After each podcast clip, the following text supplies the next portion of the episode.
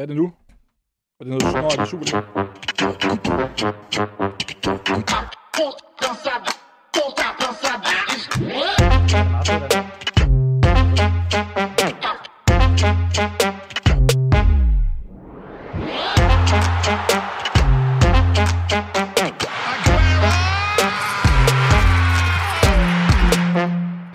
Som lovet i første time af Fodbold FM, skal vi i den her time kigge nærmere på Premier League og Champions League. Men først skal vi lige afslutte Superliga-runden.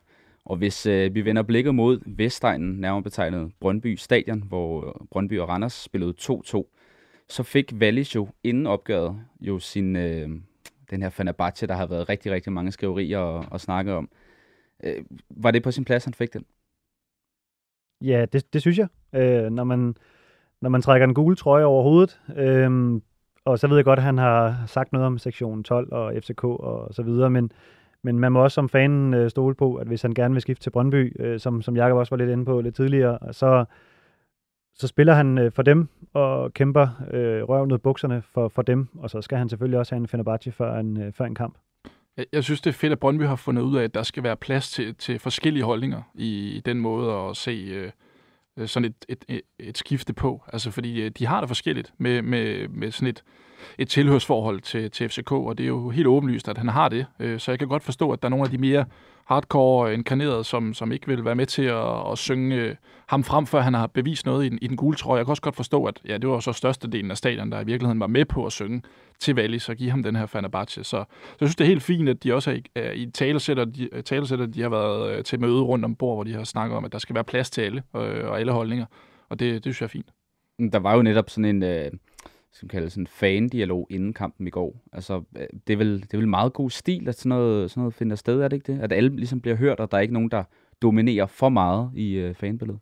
Jo, altså det er jo følelser, det her. Det er jo ekstreme følelser, der handler mellem FCK og Brøndby, ikke? Så jeg kan godt forstå, som du også siger, at de der, de har brug for at sætte ord på, hvorfor det er, de ikke gør det.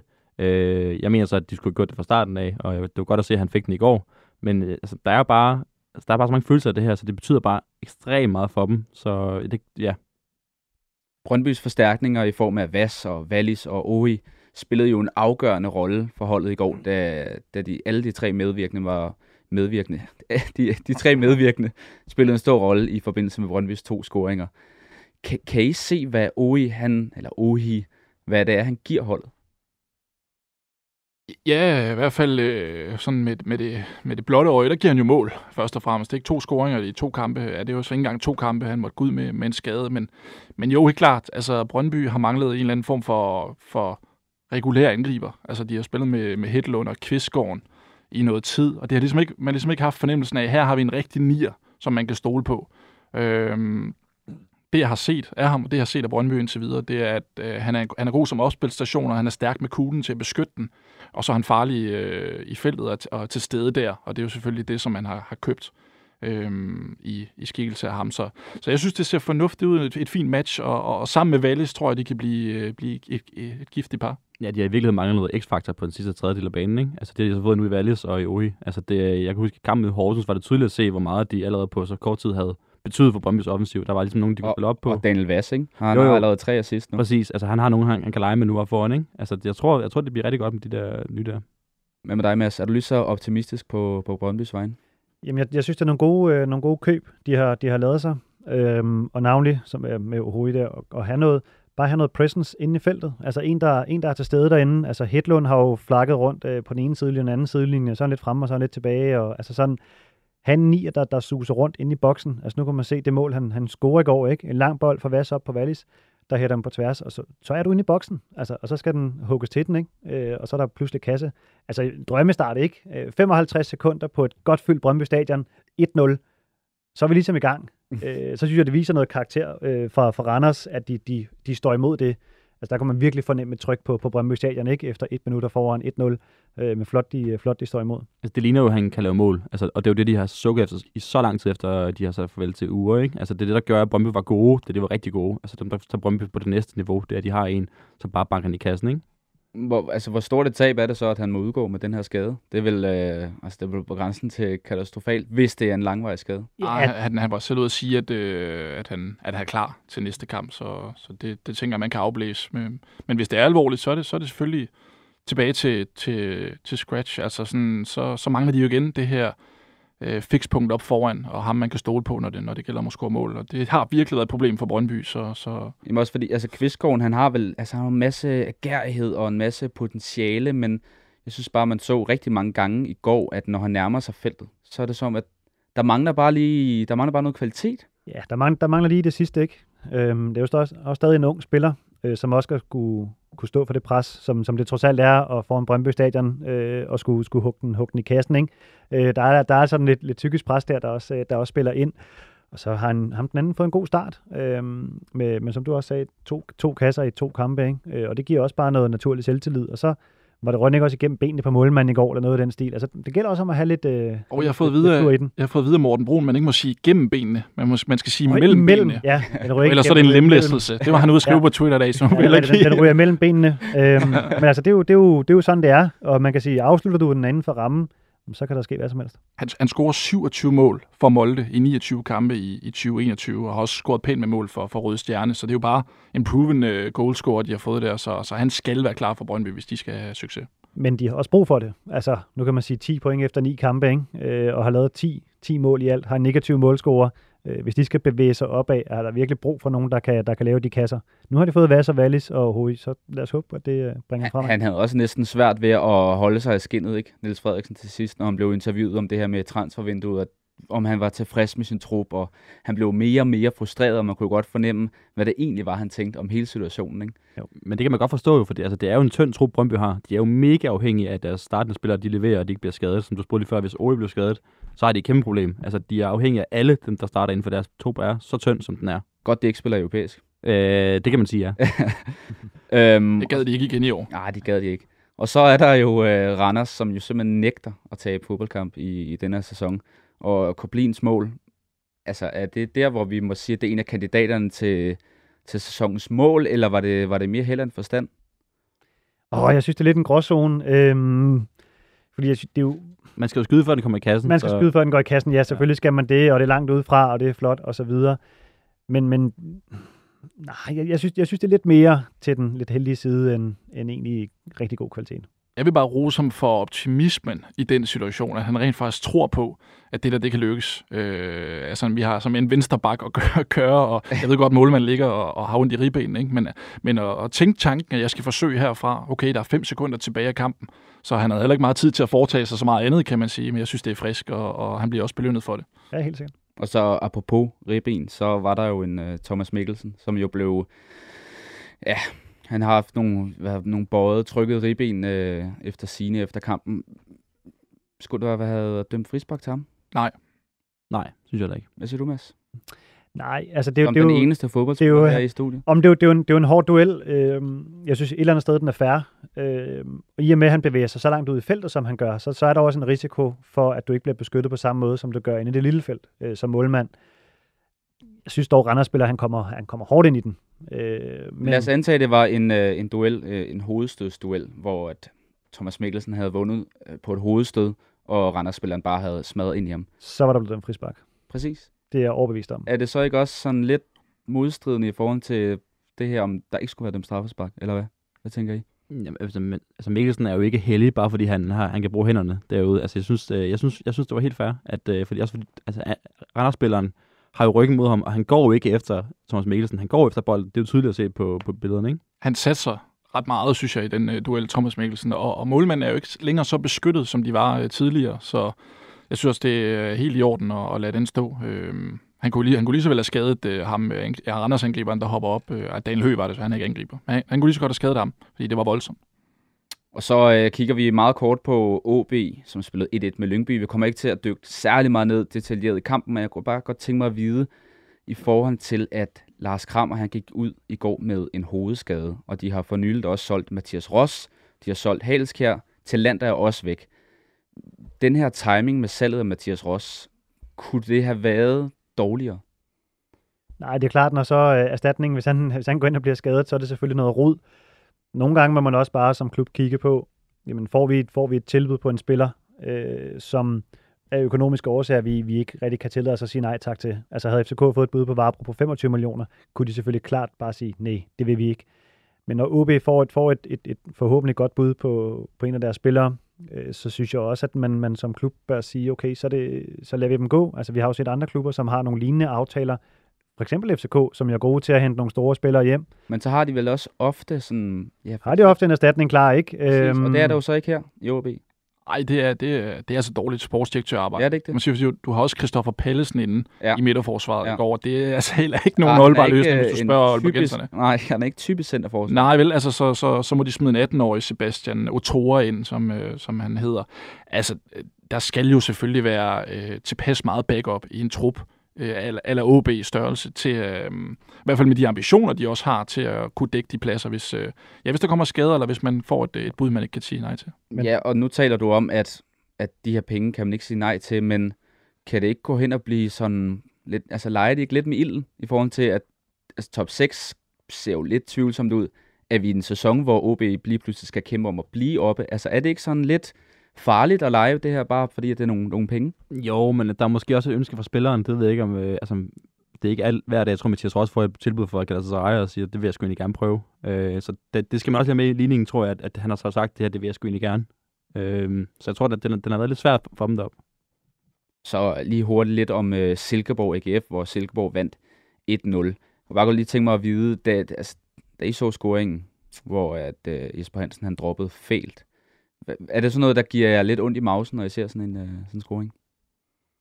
Øh, ja, kort spørgsmål. Nej, det, det er ikke, ikke for mit vedkommende. Jeg havde det fint i mausen. øh, jeg kan også godt lide at se Silkeborg spille, øh, i hvert fald når de er på toppen. Øh, men, men Jesper Hansen har jo, har jo gjort det godt i, igennem stort set hele sin karriere og opnået fantastiske ting. Øh, så, men han har lavet nogle af de der ting, jeg synes jeg, på, øh, på det seneste. Jeg synes, han har, han har haft nogle, nogle, nogle fejl i sit spil, som man ikke har set tidligere i hans karriere. Og det, øh, jamen, han havde faktisk en vanvittig god redning lige inden det her sker, øh, hvor, han, øh, hvor han forhindrer en, en 1-0-scoring også fra Sebastian Jørgensen. Øhm, men, men jeg synes, vi ser lidt for tit for ham, de her kæmpe drops. Og det var jo et tredje etmåls nederlag til AGF i, øh, i streg. Og det, det, er jo, sådan, det er jo naturligvis et lille formdyk, men hvad, hvad, er det, hvad er det, de mangler i den her periode, AGF? Altså, hvad, hvorfor er det, det ikke helt sådan bliver strukket ordentligt sammen?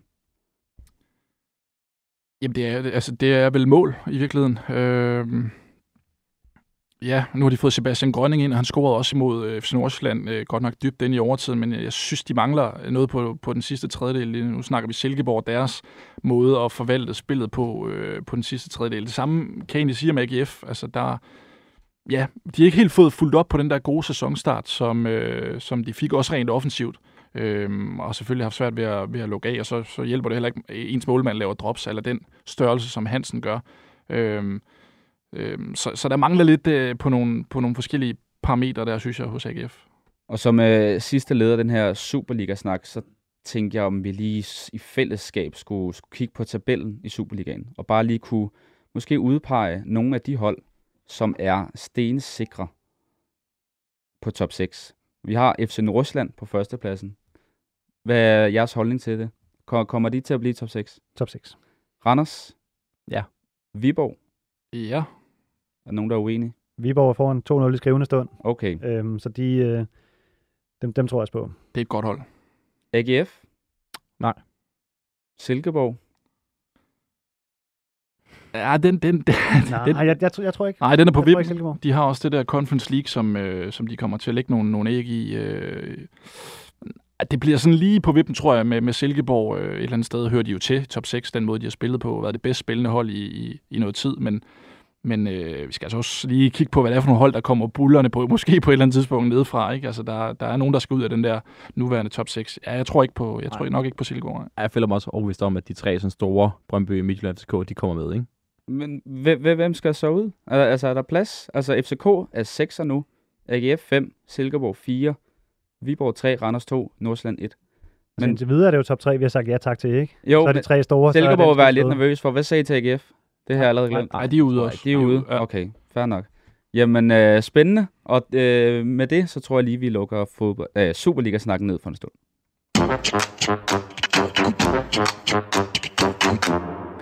Torsdag den 8. september sov dronning Elisabeth II ind. Hun blev 96 år gammel og regerede i utrolig 70 år har haft, og det har haft en stor påvirkning på kampene i England.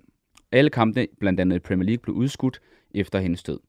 Hvad tænker, du har allerede været lidt inde på det, Martin. Ja. Hvad, hvad tænker I andre egentlig om øh, det her med, at man ærer en, øh, en nu død dronning? Altså, jeg kan godt forstå, at de gerne vil ære hende. Det har jeg meget respekt for. Men jeg, jeg kan ikke se, hvordan man ikke kan ære en dronning ved at spille fodbold og holde minut stillhed, synge nationalsang og... og altså, Det vil næsten være en endnu større form Ja, det, for det ære, føler jeg, det det er en større form for hyldest, føler jeg. Altså, jeg har svært ved at forstå, hvorfor, hvorfor det skal aflyses. Øh, og der er også, der er også mange, altså, der er mange udefra fra andre lande, der kommer og ser Premier League, som, som pludselig bliver, står i en øh, lidt uheldig situation, ikke? Ja, med hotel og transport. Ja, ja. Og, Ja, jeg, jeg, jeg synes godt, man kunne have lavet en endnu større fejring og en hyldest af hende ved at spille fodbold, faktisk. Der var en, der lavede et, øh, et ret ja, sjovt tweet, ved jeg ikke, om man kan kalde det, men der var en, der skrev, at øh, Christian Eriksen han døde på banen, og 45 minutter efter, der spillede, øh, der spillede landsholdet altså fodbold igen. Så øh, ja, hvor kongelig Christian Eriksen er, det, det skal jeg ikke gøre mig til herover. Men ja, for at følge op på, på min takling tidligere, jeg synes også, det er sådan lidt et, et brændt straffespark på en eller anden måde, at man ikke får udnyttet den her kæmpe store platform, som Premier League er, til at hylde dronning Elisabeth den, den anden, og hun skal selvfølgelig have en stor hyldest, og det havde været perf- perfekt øh, med de her Premier League-kampe til at, til at kunne gøre det. Så er der selvfølgelig den, den sportslige del, det er sådan programmæssige i forhold til, at der ligger et VM i Katar, det bliver det er udfordrende. rimelig stramt i forvejen, ikke? Ja, og de snakker om, så skal vi måske hen i januar for at finde ledig termin, og der er nok alligevel nogle pokalkampe, der skal afvikles der og sådan noget. Så, så det er sådan lidt øh, at presse citronen i forhold til, til det, det tætte kampprogram, vi har. Jeg synes, jeg synes, den er en lille, lille smule svær. Vi skal huske på, at dronning Elisabeth for englænderne betyder uendelig meget mere, end dronning Margrethe gør for os i Danmark. Øh, det, er en, det er en helt anden, der er jo en 10-dages sove, øh, soveperiode derovre, og det, det tror jeg altså ikke, vi får den dag, Margrethe hun øh, går bort her, her i Danmark på samme måde. Øh, om man så skal bruge Premier League og den øh, eksp- eksponering, der er til det, for at hylde hende, altså er, om det er lidt søgt eller ej, det, det, det har jeg lidt svært ved. Til gengæld, eller omvendt, så kan man sige, det er en kæmpe platform. Der er så mange tilskuere øh, lokalt på stadion, der er så mange, der ser det, øh, som I også snakker om, et minut stillhed. Man kunne måske sågar gøre det i 96. 20. spilleminut, og så holde et minut stillhed. Øhm, vi ser det på Remembrance Day, hvor de står og spiller med orkester. Det kunne man have gjort og spillet God Save the Queen. Altså, der, der er masser af ting, man kunne gøre for at, at ære hende og hylde hende. Og de er fantastiske til det i England. De er Til mega til at hylde fantastiske. deres til det. Den er helt vildt. Det med, det med turister, den, den giver jeg ikke så meget for. Øh, det, det er sådan lidt, øh, ja ja, altså vores, vores dronning igennem 70 år, eller hvor meget det var, hun er altså lige gået bort, så kan det godt være, at du har betalt 7.000 kroner for at rejse til. Det, det, det kan vi altså ikke rigtig tage os af. Øh, men, men, men jeg synes godt, at man kunne have hyldet hende øh, netop på, på de måder, altså orkester og, og ære hende, altså med banner og putte logo af hende ind, øh, ikke af hende, men, men kongetegnet der, øh, i stedet for Premier League-logoet. Altså der er mange ting, man godt kunne have gjort for at, at hylde og ære hende, synes jeg. Der er i virkeligheden gode muligheder for sådan at sætte en ramme og kontrollere, hvordan det skal foregå mm. på de Mhm. kampe, ikke? Ja, men altså handler det om, at øh, I to, I var jo meget imod det, men I sidder også her to danskere her i, i studiet, ikke? Altså handler det om, at I simpelthen bare ikke øh, kan sætte jer ind i hele den her royale Ja, tilgang? Ja, selvfølgelig gør det det. Som, som Mads han siger, vi, altså, de elsker hende overalt på jorden, og, og ja, det kan da godt være, at de gør det, men det kan vi ikke relatere til herhjemme på, på samme måde, så selvfølgelig er der også et, et gram af det i hele, hele analysen. Øh, jeg vil gerne se noget fodbold, ikke? Jacob? Jo, 100%. Nå, nu skal vi til at tale lidt øh, om, øh, om fodbold, fordi vi har jo en mand i panelet i dag, som ikke er bange for at fortælle om sin kærlighed til Chelsea. Martin, da, da du fandt ud af, at Thomas Tuchel han var blevet fyret som manager i klubben, led din kærlighed til klubben så et, et lille knæk?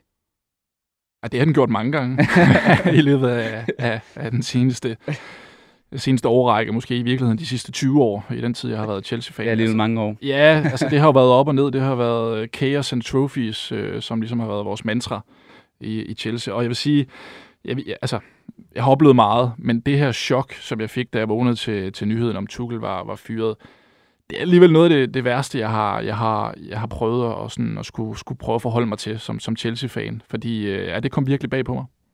Hvad med jer to? Havde I set den komme? Nej, det havde jeg ikke. Altså, jeg har det også sådan lidt... Tit, når man ser de her trænerføringer, så er det jo efter lang tid, hvor fansene har skrevet på, at der skal ske noget. Det synes jeg ikke, man så her. Altså, jeg, jeg har ikke set ret mange Chelsea-fans, der sådan godkender den her Ingen- fyring her. ingen har der altså, været. Det er, det er jo tit et opløb med, at der bliver så meget pres på, at de er nødt til at gøre et eller andet her. Det har jo slet ikke været her jo. Mm, Altså, var det bare det her nederlag i Champions League til Zagreb, der har været sådan årsagen til det, eller hvad, hvad, hvad tror I? Jeg tror, det er samarbejdsvanskeligheder med Todd Bowley, den nye ejer. Øh, Jeg tror helt sikkert, det er det, der er grundlaget. Ja, sæsonstarten har ikke været den allerbedste i verden, men, men de ligger stadig med i, er de fem eller seks eller noget af den Sekser. stil i ligaen. Og det er, jo ikke, det er jo ikke helt katastrofalt, vel? Øh, Jeg synes, det er underligt, for de har også været ude og bakke ham op finansielt. Øh, nu snakker vi lidt om Jes Torup og den finansielle power, han har haft i ryggen. Altså, vi snakker om en klub, som har brugt 280 millioner euro på nye spillere i den her sæson, ikke? Med Fofana, øh, Cucurella, Sterling, Koulibaly, Chukwueka. Altså, Aubameyang. Mm. Aubameyang, han må virkelig have en dårlig smag i munden lige nu, Mm. ikke? Øh, eller have en mærkelig følelse i kroppen. Så jeg kan, jeg kan ikke forstå, øh, at, at man har bakket ham så voldsomt op. Altså, en, en ejer, tænker jeg, ikke kan, kan se, øh, hvad er den næste træner, og hvad er det for nogle spillere, vi skal bruge til det. Jeg tænker, det er noget, som, som Tuchel trods alt har været inde over, men det kan være, at Chelsea-manden, han ved lidt mere om det. Ja, altså de signings, som, som du, du snakker om her, øh, på nær lige Aubameyang selvfølgelig, som jo er en Tuchel-signing, det kan der ikke være tvivl om, og det forlyder også, at det ligesom var Tuchel, der havde det sidste ord i forhold til den, men de andre er jo egentlig på mange måder Graham Potter signings også. Altså hvis du tager Cucurella for eksempel, som jo er hans mand fra, fra Brighton, ikke øh, var med til at udvikle ham. Han spiller den her venstre stopper i det her øh, trebaksystem nede bagved. Fofana øh, kan også passe øh, rigtig fint ind i den måde, som Potter spiller på. Så, så jeg tror, der er mere, altså de, øh, ejerne af Bowley har haft mere øje på, også hen ad, hen ad vejen i det her transfervindue, hvad Potter i virkeligheden har haft brug for, fordi de har efter sine haft ham øh, på radaren i noget tid.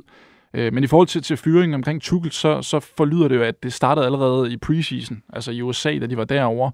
Øh, begyndte der allerede at være samarbejdsvanskeligheder, som du skulle refererer til, altså små knidninger i, hvordan skal man gøre øh, tingene her. Tuchel er blevet beskrevet som egenrådig, altså vil være den, som bestemte retningen mere, end ejerne gjorde. Og der kommer Bowley og, og hans bagland ind og siger, at vi vil rigtig gerne gøre det, ligesom vi gør i USA med, med vores baseballhold, for eksempel LA Dodgers, hvor de, jeg tror det var i 2017, altså nulstillede hele den her franchise, øh, franchise-forretning og, og hyrede en ny træner, og så byggede en helt ny kultur, et helt, helt nyt øh, hold, nærmest en ny klub op, på samme måde, som, som de er i gang med her i Chelsea. Øhm, så jeg tror, det har været længe undervejs. Altså, det har det. Øh, og og for at svare på spørgsmål omkring Zagreb-kampen, så tror jeg ikke, det har haft noget at sige øh, i forhold til, til fyring. Altså, det har bare været det perfekte tidspunkt, ligesom at, at komme ud og sige, at, øh, at, at nu stopper vi samarbejdet med, med Tuchel. Jeg synes også, det er overraskende, at altså, han, ikke, han ikke har længere snor. Altså, det var en mand, der skaffede Champions League til dem. Han holdt hånden under med de her sanktioner i, i foråret, ikke? og han har nærmest sådan egenrådet orkestreret det her transfer, det lige har været. Ikke? Altså, det, VM for klubhold og Supercup vandt Ja, ja, og præcis. Altså, jeg synes, det er, det er meget, meget sådan en uansvarlig måde sådan, at for- forvalte deres sådan ansvar på i klubben. At det går sådan, bare på grund af, at, at det går skidt en lille periode, at han så skal på, på porten, ikke? Men hvis man kigger på hans første 50 kampe i klubben, så har han 32 sejre, 11 uafgjorte og 7 nederlag. Og de sidste 50 har han 28 sejre, 13 uafgjorte og 9 nederlag. Så det er jo nogenlunde det samme leje, det ligger i. Men modsat så, i de første 50 er der blevet lukket 24 mål ind, og i de sidste 50 er der blevet lukket 53 ind. Kan det ikke spille en rolle? Jo, jo, selvfølgelig kan det det. Vi skal også lige huske på, at de her 50 sidste kampe, han har haft, har jo så øh, været... Sådan en stor del af dem har været under den her periode, hvor Chelsea har været øh, under sanktioner. Øh, og der har været al den her virak uden for banen, hvor Tuchel lige pludselig skulle til at agere alt muligt andet end cheftræner og manager.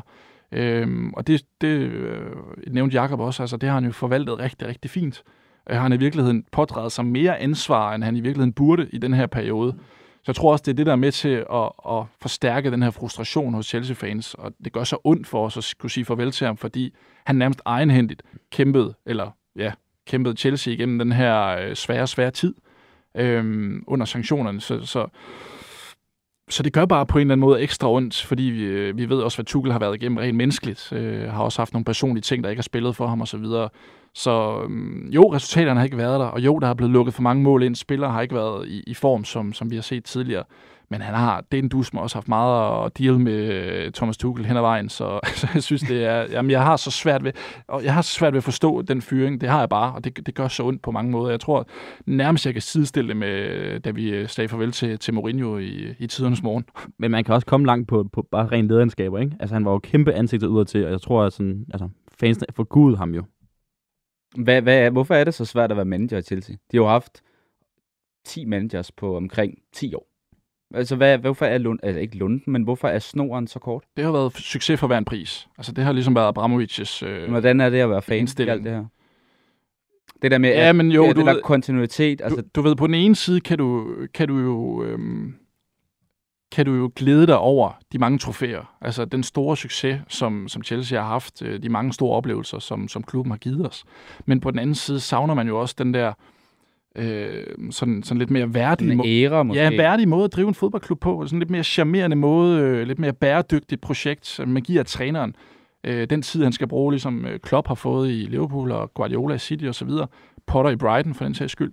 Øh, og det, det, altså, det troede vi jo lidt var, var et overstået kapitel nu med, med nye ejere, og tænkte, okay, Tuchel, han får i hvert fald, øh, han får i hvert fald lang snor. Men øh, det var sådan en anden historie. Graham Potter Ja. kommer til at overtage roret. Hvordan, øh, hvordan ser det, øh, ikke link op, men hvordan ser det match? Jeg glæder mig utrolig meget til at se Graham Potter øh, i Chelsea, eller i en af de store, ikke nødvendigvis Chelsea specifikt, men, men en af de lidt større klubber. Der har været så meget snak om ham i Brighton, som jo har spillet noget altså, besnærende fodbold i virkeligheden. Ikke? Slutter 9 og sidste år, ligger aktuelt nummer 4 i Premier League. Øhm, jeg glæder mig rigtig meget til at se ham, øh, men jeg tror også, det kommer til at tage noget tid for Chelsea at, at vende sig til den stil, som han kommer til at spille. Øhm, Er, er der den tålmodighed i Chelsea? Nej, det er der jo ikke. Altså, man kan Nej. sige, nu har de jo siden øh, sommeren 11 haft øh, 11 forskellige, øh, nej, 9, 9 forskellige trænere, ikke? Som, som alle minimum har været der et halvt år. Øh, og den, der har siddet der længst, var faktisk Mourinho øh, i, i noget, der ligner to og et halvt år. Men jeg håber da for, for Chelsea, øh, Chelseas fans, at de giver øh, Graham Potter noget, noget tid. For jeg synes, det ser enormt spændende ud. Men han har også en opgave foran sig. Øh, nu kigger vi på, på kampen i weekend mod West Ham. De vinder godt nok øh, 2-1. Man kigger på deres midtbane, så spiller de med Conor Gallagher, Loftus-Cheek og Kovacic. De vinder altså ikke Premier League med, i, hvis det står til mig. Øhm, så der, så der, skal, altså, der skal arbejdes øh, for det, og jeg glæder mig lidt til at se, hvad det er for nogle typer, han kommer til at foretrække. Øh, jeg kan godt se sådan nogle som Jorginho, Hakam Ziyech, som har været enormt meget ude af holdet. Altså nogle bold, boldfaste, teknisk øh, dygtige spillere, som kan spille det her kombinationsspil. Øh, kunne godt se, at de kommer til at få en, øh, få en chance under Potter. Jeg glæder mig bare til at se ham. Der var også lidt snak om ham, om han skulle til United i virkeligheden. Ikke? Øh, jeg tror, at Ten Hag-aftalen har været på plads i, i lang tid. Øh, jeg tror, det bliver spændende. Jakob? Ja, men det er vel også, altså jeg synes, man læser derover, at den, den siger, at han passer godt ind, fordi hans største styrke er vel i virkeligheden sådan at planlægge kampe og vise sådan tydeligt sin spiller, hvordan han gerne vil spille. Altså det havde han succes med i Brighton, ikke? Øh, det kunne man godt have lidt svært ved at se under Tuchel en gang med, med, med al respekt for, for det, han opnåede derovre. Men nu snakker vi lidt om, om pres øh, tidligere i klubber øh, omkring Flemming P. og, og FC Nordsjælland. Det er jo lidt det samme her. Altså Brighton, der er ikke det samme pres på Brighton, vel? Men nu kommer han altså til Chelsea øh, med deres trænerføringshistorik. En lille, lidt slags cirkus, ikke? Jo, jo, og generelt det pres, der er i Chelsea. Altså øh, mediernes øh, overvågenhed og så videre. Nu, nu skal han altså levere, og det skal han gøre hurtigt. Øhm, og ellers så, så er jeg altså bange for, at han kan, han kan gå rundt i svingdøren, og så kan han gå samme vej ud igen som de andre. Ja, det, er- det er nok ikke så sikker på. Altså, øh, for jeg tror, det er nu, det her nye ejerskab på en eller anden måde træder sådan rigtig i kraft. Altså sådan rigtig træder i karakter og siger, nu har vi udvalgt vores mand. Det er Graham Potter. De har haft ham på radaren i noget tid. Øhm, han passer rigtig godt ind i deres filosofi og deres måde at drive en, en sportsklub på.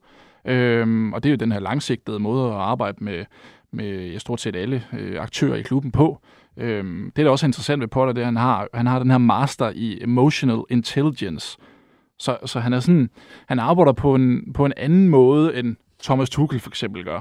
Og det er jo det, der bliver spændende at se, om man kan få sat sit aftryk i, i Chelsea på den måde, fordi Chelsea har været vant til, at det, det har været succes for hver en pris. Altså har det ikke klikket inden for få måneder, jamen så prøver vi noget andet.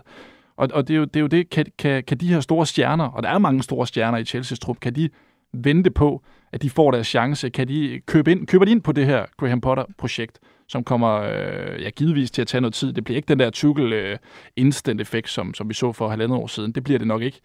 Men kommer de til at købe ind på det, så kan det blive, så kan det blive godt. Men, men der er altså også nogle fans, der skal overbevises om, at det her det er det, er det rigtige match, fordi øh, ja, vi har smidt guld på gaden, simpelthen.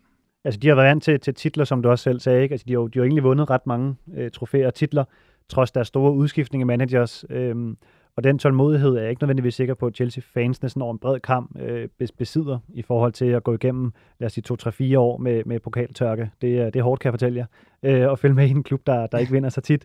Øhm, og så kan man så også sige, Graham Potter, altså, han er jo ikke inde i fodboldverdenen et kæmpe navn. Det er jo ikke sådan, man nødvendigvis ser, okay, jeg vil skifte Chelsea, fordi de har Graham Potter. Der er han ikke nu. Øh, det kan han selvfølgelig udvikle sig til. Altså ser du Klopp i Liverpool, Pep Guardiola i City, så er det sådan nogle spillerne vil rejse til for at spille under. Øhm, og der skal, der skal han jo til at bevise noget. Helt sikkert. Øhm, vi talte lidt om transfervinduet i sidste uge. Jeg kunne bare godt lige tænke mig at høre meget kort, sådan, hvor føler I at Chelsea står i forhold til inden transfervinduet og efter transfervinduet? Jamen, hvis jeg skal lægge ud på den øh, kæmpe stort hul i, i, i forsvaret, som skulle lukkes med, med AC og Rydiger, og vi har jo ja, øh, set, at det har været et problem øh, her i sæsonstarten. Har lukket masser af mål ind. Øh, men, men hvis du kigger på navnene, Corudella er en, er en fin spiller, har dog kun bevist sig i et enkelt år i Premier League, men, øh, men han ser rigtig spændende ud. Og så Fofana, som jo selvfølgelig er hentet ind for, for et kæmpe beløb, og som også ser rigtig spændende ud. Så, så jeg synes på en eller anden måde, den, den ser ud til at være lukket. Øh, offensivt har jeg svært ved at se Chelsea komme til at lave mange mål. Altså, det har jeg. Sterling, fin spiller, øhm, bliver givetvis Chelsea topscorer med en 12-15 mål eller noget af den stil, men, men Chelsea har ikke en angriber. Aubameyang? Nej, kommer ikke til at lave de her, det tror jeg ikke, 20-25 mål, som det kræver for at kæmpe med om titlen. Men det er jo heller ikke en langsigtet løsning. Han er 33 år, ikke? Lige præcis. Altså, ja. så, så, så det er min største anke omkring uh, Chelseas vindue, at man ikke har fået hentet den der proven goalscorer, der, der man, hvor man bare, altså plug and play, sæt ham ind, og så ved du, du får øh, 25 mål, eller noget i den stil. Diego Costa var ledet på markedet, ham skulle man have hentet. ja, han men, men, men midtbaneangreb er jo, midtbaneangreb er deres, deres store svaghed. Altså, de henter også uh, Koulibaly ned fra Napoli, øh, som også er et... Ja, midtbanen er en svaghed, fordi Kanté er skadet. Øh, ja, ja. Tit som han er, ellers så vil jeg ikke sige, det er... Men han er også 31 år, Koulibaly. Mm, jo, jo, jo. Mm. Altså, han er i sin bedste år, ligesom ja. vi så med Thiago Silva, som mm. dog lige er, er noget ældre. Men jeg vil referere igen til Conor Gallagher, Loftus-Cheek og Kovacic. Så ved jeg godt, Kanté er skadet, og han kunne have valgt at bruge nogle andre. Men jeg, jeg, jeg ser det, altså de har, de har nogle svagheder, det Chelsea-holdet der. Så det er noget Dennis Zakaria, ikke? På, på lavtalen. Oh, ja. men, men, henter de også ind. Men, ja. men det, man skal, det man også lidt nogle gange skal være opmærksom på, selvfølgelig så skal man ikke kun hente topstjerner for, at det giver kvalitet.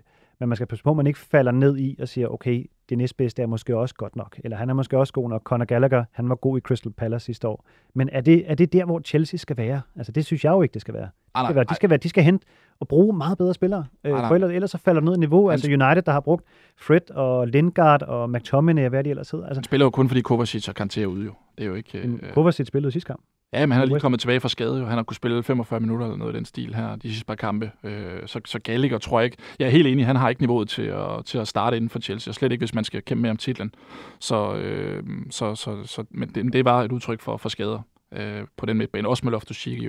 Men en, en vigtig point er også, at de har sagt farvel til AC, Rydiger, øh, Alonso, Lukaku. Altså, det er ret store lederskikkelser, som, som kendetegner Chelsea, ikke? Ja, og men så synes jeg så, at man har fået nogen, nogen ind også. Altså en Koulibaly, som er kæmpe leder i Napoli i, igennem mange sæsoner, skal også komme ind og løfte sammen med Thiago Silva, som der selvfølgelig er, er, er der endnu. Øhm, på Men det er vel rigtigt nok det der med, at altså, folk, der har været i klubben i så mange år, pludselig er væk. Ikke? Altså godt være, at Koulibaly kommer ind og har rutine og været god i Napoli, men han går vel ikke bare ind i Chelsea for day one. Bum. Så, så er der en effekt. Eller hvad? Nej, det har det jo ikke været. Altså, øh, han har gjort det okay, men, men ikke, øh, jeg skal selvfølgelig bruge noget tid på at, at, at, at nå det niveau, som, som vi håber, han kan nå, og det er jo Rydigårds niveau for eksempel fra, fra sidste sæson. Øhm, så nej, det, det er klart, der er noget tilvinding, men der er, altså, jeg synes ikke, der er mangel på ledere i, i Chelsea. Det, det, Mount skal også steppe op, også en spiller, der slet ikke er kommet i gang med den her sæson. Er, vi snakker om, at han skal være den næste Chelsea-anfører. Ikke? Han skal også øh, vise lidt mere. Øhm, men de i målet er også en, en fin leder, så øh, der, der er folk, der skal kigge sig selv i spejlet. Godt med den uh, Jes reference mm. Jeg tænker, vi lukker uh, Chelsea-snak ned lidt for nu, og så uh, bevæger vi os hen mod Liverpool. Og Mads, nu skal du være helt ærlig. Er det ikke en fornøjelse at se det vaklende Liverpool-mandskab? Det er en sand fornøjelse.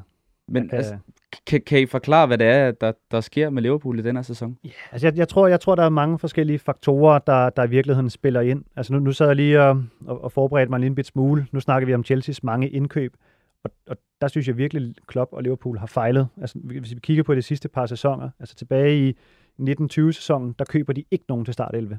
I, i sæsonen efter 2021, der køber de en, Thiago, og så henter de Diego Jota, men det var mest af alt til bænken, som, som jeg umiddelbart ser det i 21-22 sæson, der hentede de Luis Diaz, men det var altså i januar 2022, altså i år, ikke?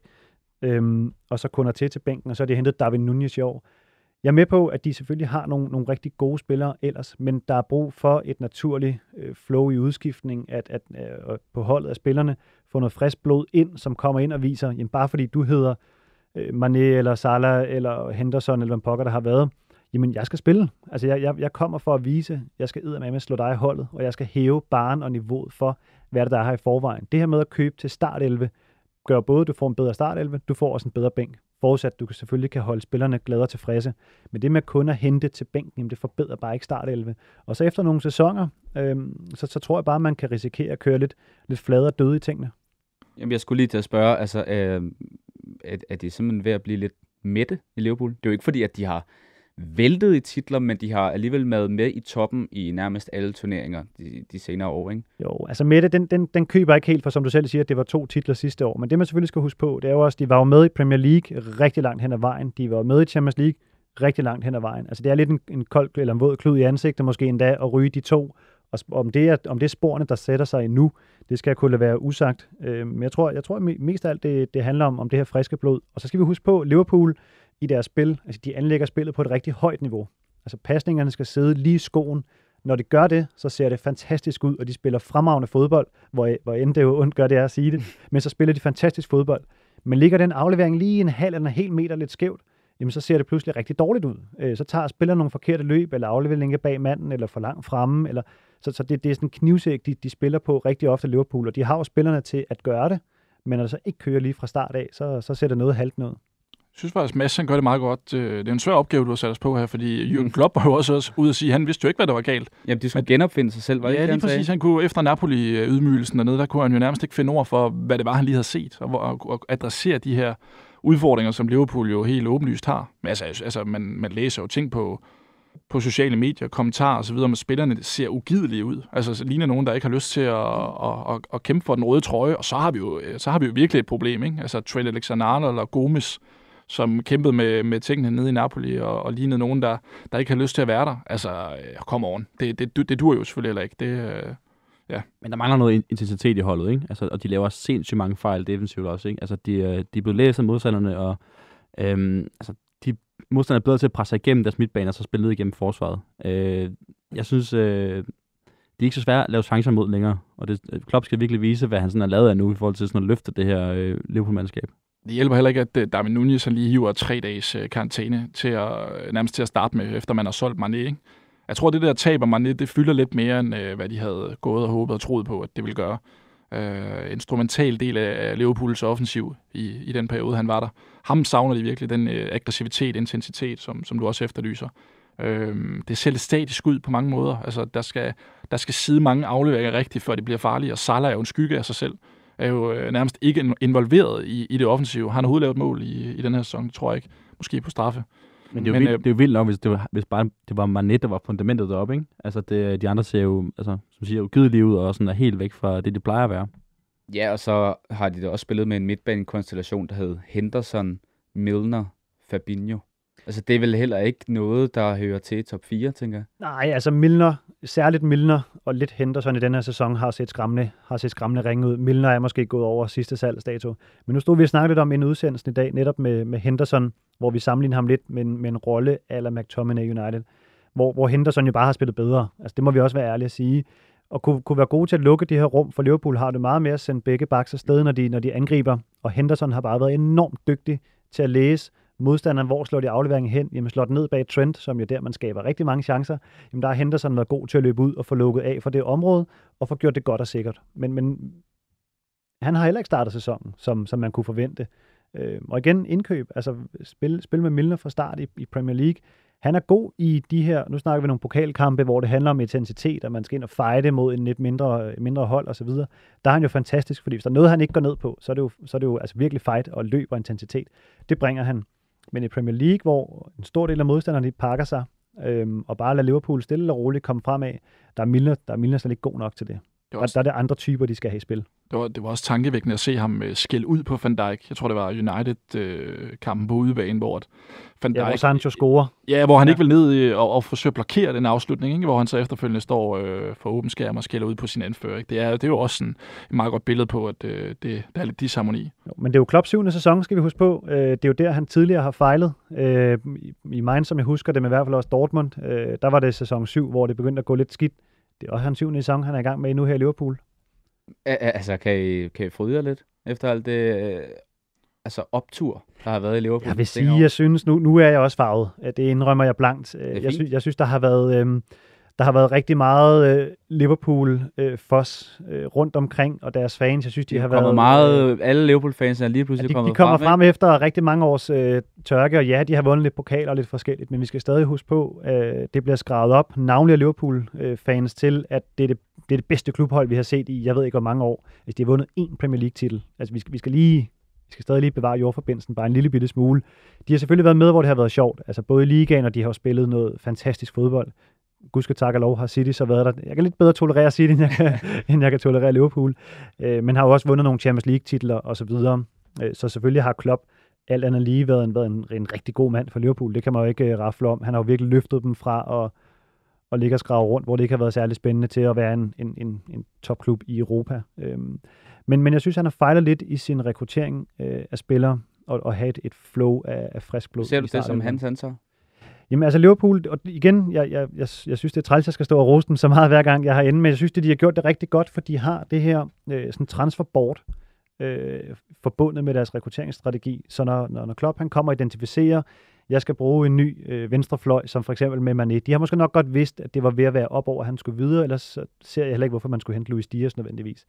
Men så, så har de jo på forhånd identificeret, hvordan spiller vi?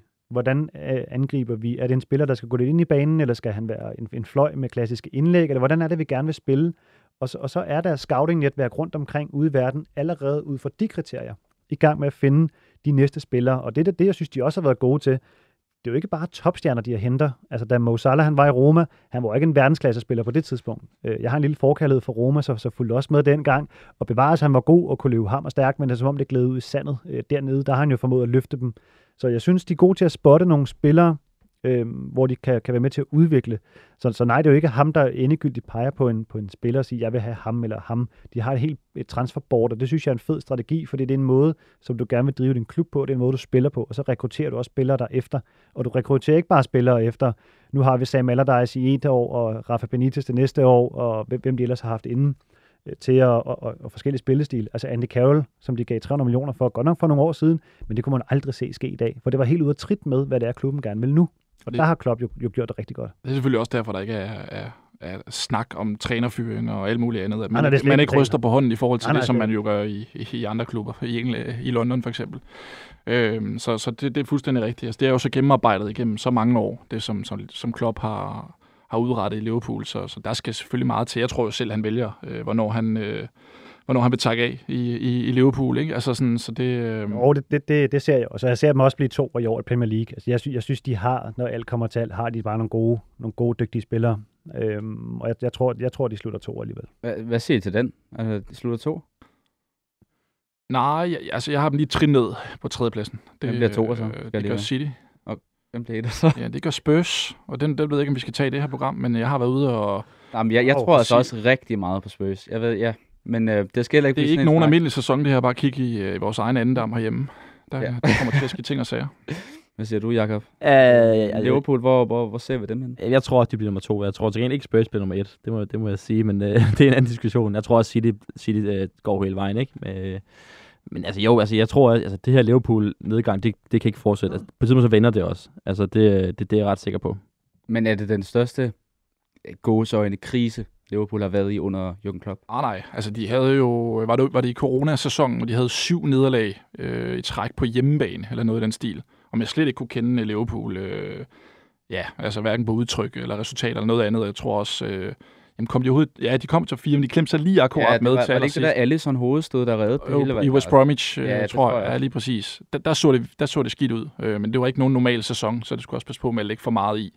Øhm, så, så jeg synes, det har set værre ud. Men vi har også, der er også vilde forventninger til Liverpool. Det må man bare sige. Altså, vi har jo ekstremt høje forventninger til, hvordan de spiller. Øh, og, og, det kan næsten ikke undgås, at der i løbet af en, en årrække kommer en nedgang i de her store klubber spil. Ikke? Det gør der jo altid. Ja, ja, og hvad er de efter? 6 point efter Arsenal. Så, altså, det er jo ikke, fordi de ligger sidst i Premier League, trods alt. Øh, Go on your gunners.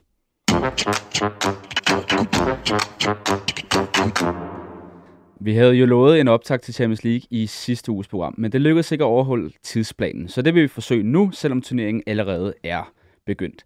Og vi kan jo godt lide at tale om, øh, om danske fodboldhold her i panelet, så øh, vi kan lige så godt bare lige kigge lidt frem mod FCK Sevilla her på, på onsdag. Og FCK har jo nok af problemer her for tiden, men hvad, hvad, hvad, skal de gøre på, onsdag mod Sevilla? Altså, skal de stille op med den bedste lineup de kan, eller skal de simpelthen spare spillere, i og med, at de skal møde FC Midtjylland i weekenden?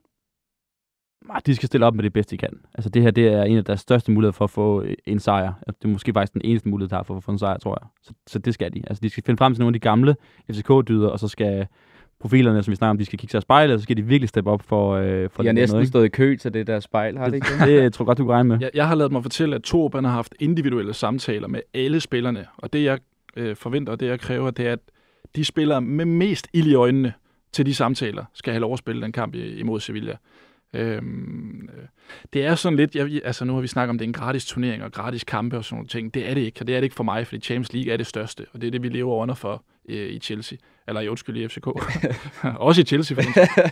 men, øh, men, men, men, men situationen er bare så øh, bizarre og så alvorlig i Superligaen, at, øh, at det er altså... Øh, ja, jeg hælder nok også til, at man skal kigge lidt mod, mod den øh, kamp mod FC Midtjylland. Hvad siger du, Mads? Jeg synes, de skal stille stærkeste hold. Øh, Sevilla er kommet skrækkeligt fra start nede i, i La Liga. Øh, ligger 16, mener jeg, så, øh, nu her med en enkelt sejr i de første. Ja, de vandt de her weekenden første gang. Så altså, det, er jo også, det er jo også et såret dyr, og man kan sige, er der noget, der kan være med til at kickstarte øh, en sæson øh, for FCK, hvor underligt det indlyder efter ni kampe i Superligaen, jamen, så kan det måske være en, være en sejr hjemme over Sevilla i et fyldt parken forhåbentlig, øh, og bære det med til endnu en topkamp, som de har i weekenden mod FC Midtjylland. Jeg synes, de skal stille stærkeste, stærkeste hold. Hvad, hvad bliver nøglen ved den her kamp? Altså, hvad, hvordan skal de angribe kampen kontra det, de gjorde i, som de gjorde mod uh, Dortmund? Man, man skal være mere kompakte. Vi skal se mere af det FCK, vi så nede i øh, uh, Trabzonsborg. Jeg tror, altså lige nu, hvor, hvor intet fungerer rent offensivt, og hvor der ikke er nogen identitet uh, rent offensivt, så må man ned og stå i to, uh, tætte, uh, i to tætte kæder, altså uh, 4-5-1 eller noget i den stil, og så lade Sevilla have, have, have kuglen. Uh, se om man kan lukrere lidt på, på Daramis fart uh, i venstre side. Uh, Du vil gerne have ham til at starte ind. Ja, ja, det tænker jeg selvfølgelig. Det er derfor, han er hentet hjem på, på en aftale. Øh, det er jo sådan nogle kampe, han skal spille, og så håbe på, at han kan, han kan ramme et niveau. Men, men jeg ser ikke et FCK, som skal op og tage initiativ og op og forsøge at dominere kampen. Så tror jeg, der bliver, tror jeg, der bliver problemer øh, bag til.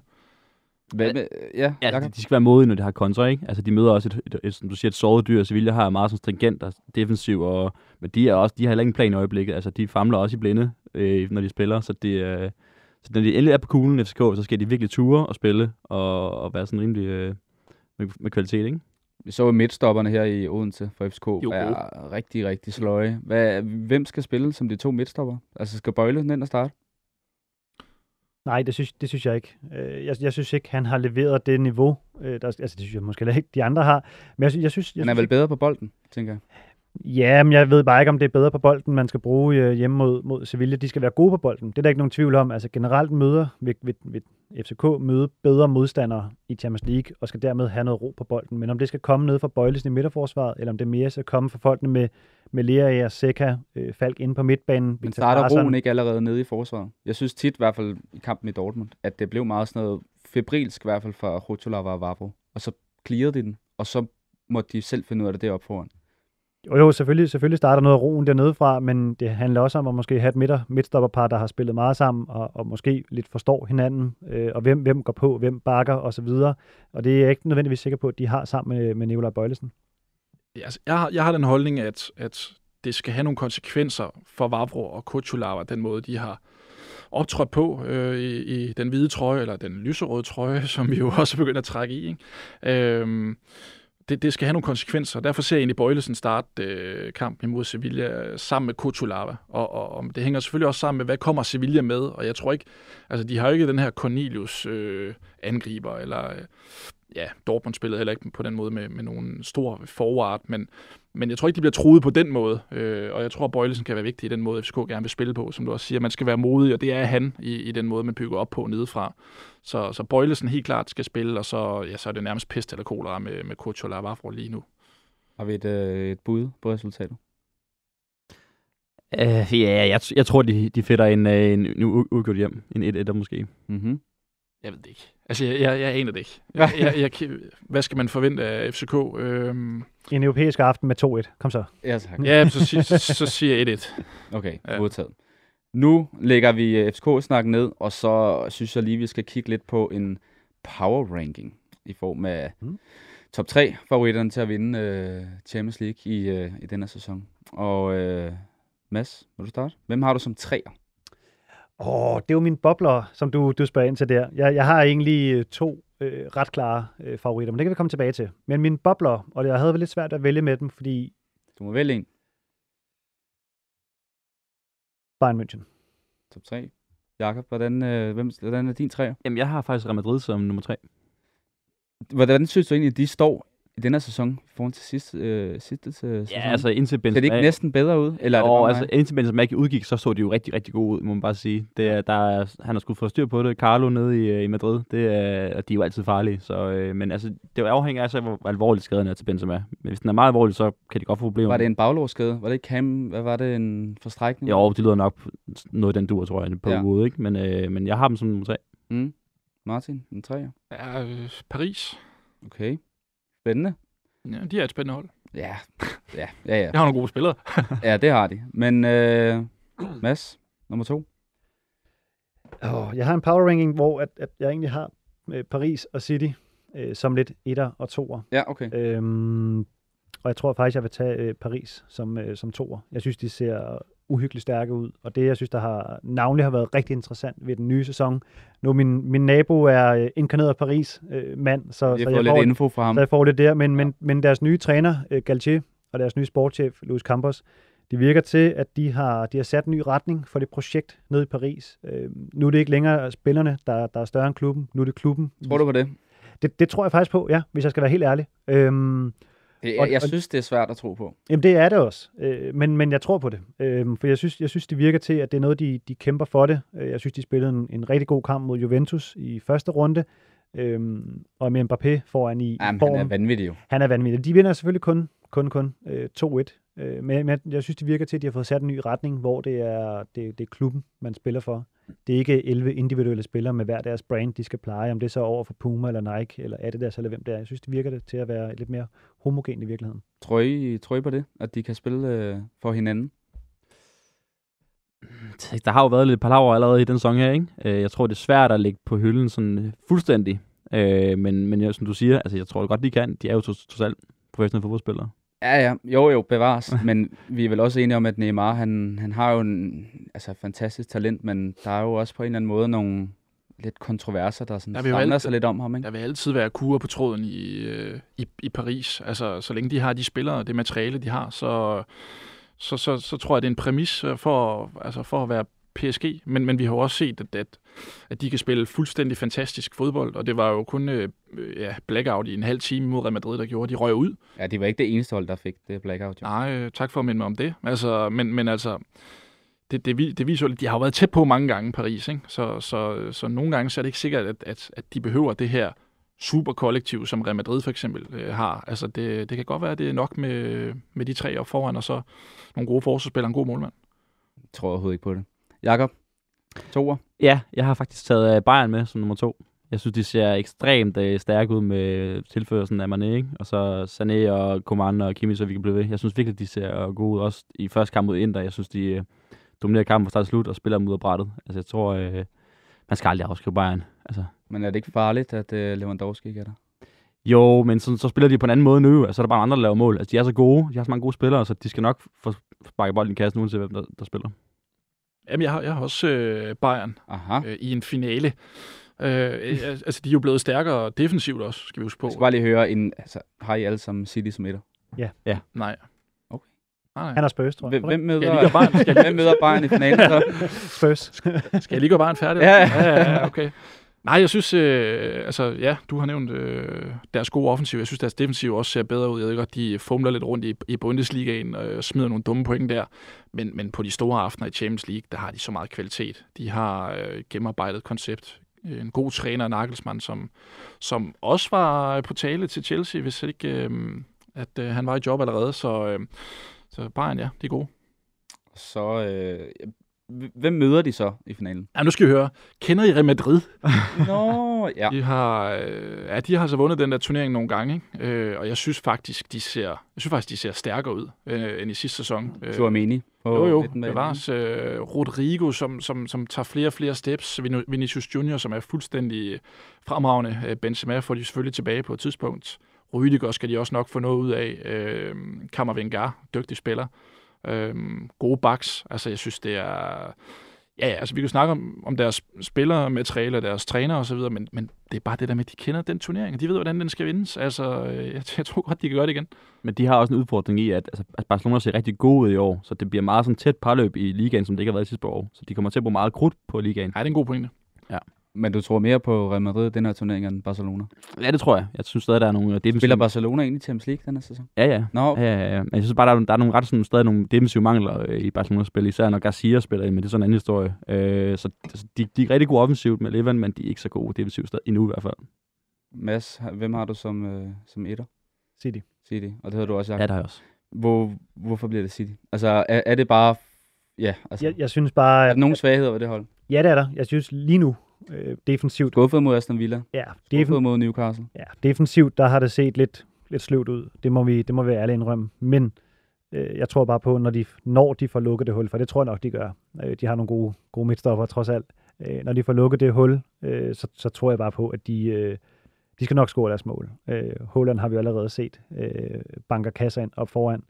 Øh, og selv med, med, med salg, nu snakker vi lidt om, om Sterling øh, tidligere, Gabriel Jesus, som jo også er kommet øh, fornuftigt øh, fra start i, øh, i Arsenal, så har de jo ikke lignet nogen, der har manglet dem. Altså, jeg glæder mig rigtig meget til at se sådan en som Phil Foden i år. Øh, jeg synes, han er en fantastisk øh, dejlig spiller at, at se på.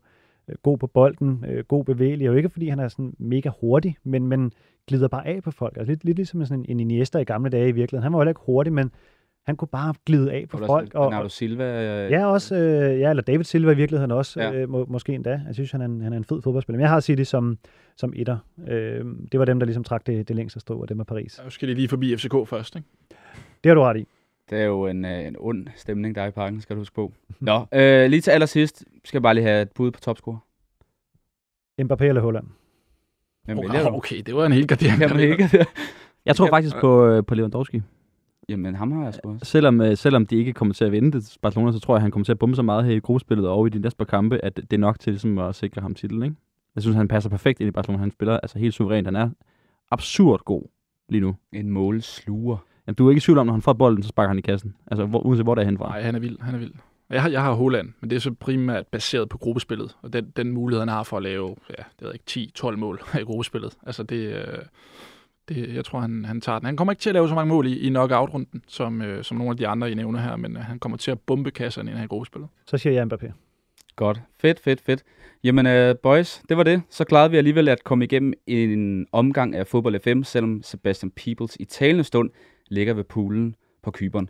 Jeg vil også gerne sige tak til Jakob Klykker, Martin Kring, Mads Thomsen for at være med i vores panel i Fodbold FM. Kæmpe fornøjelse. Og så skal der naturligvis lyde et kæmpe tak til vores kære lyttere. Husk på, at vi vil så gerne lave radio, som I gerne vil høre, så tøv endelig ikke med at melde ind med ris, ros, spørgsmål eller andre inputs på vores Facebook-side, Fodbold FM, eller på vores Twitter. Du kan sende det på Sebastians mail, cp 247dk Mit navn er Kasper Damgaard, og i næste uge er Sebastian Peebles tilbage i værtrollen. Jeg håber, at vi lyttes ved. Har lavet det musik der. Det er også det, du kan det hele. Kan du skrive på? Eller hvad? Det håber jeg.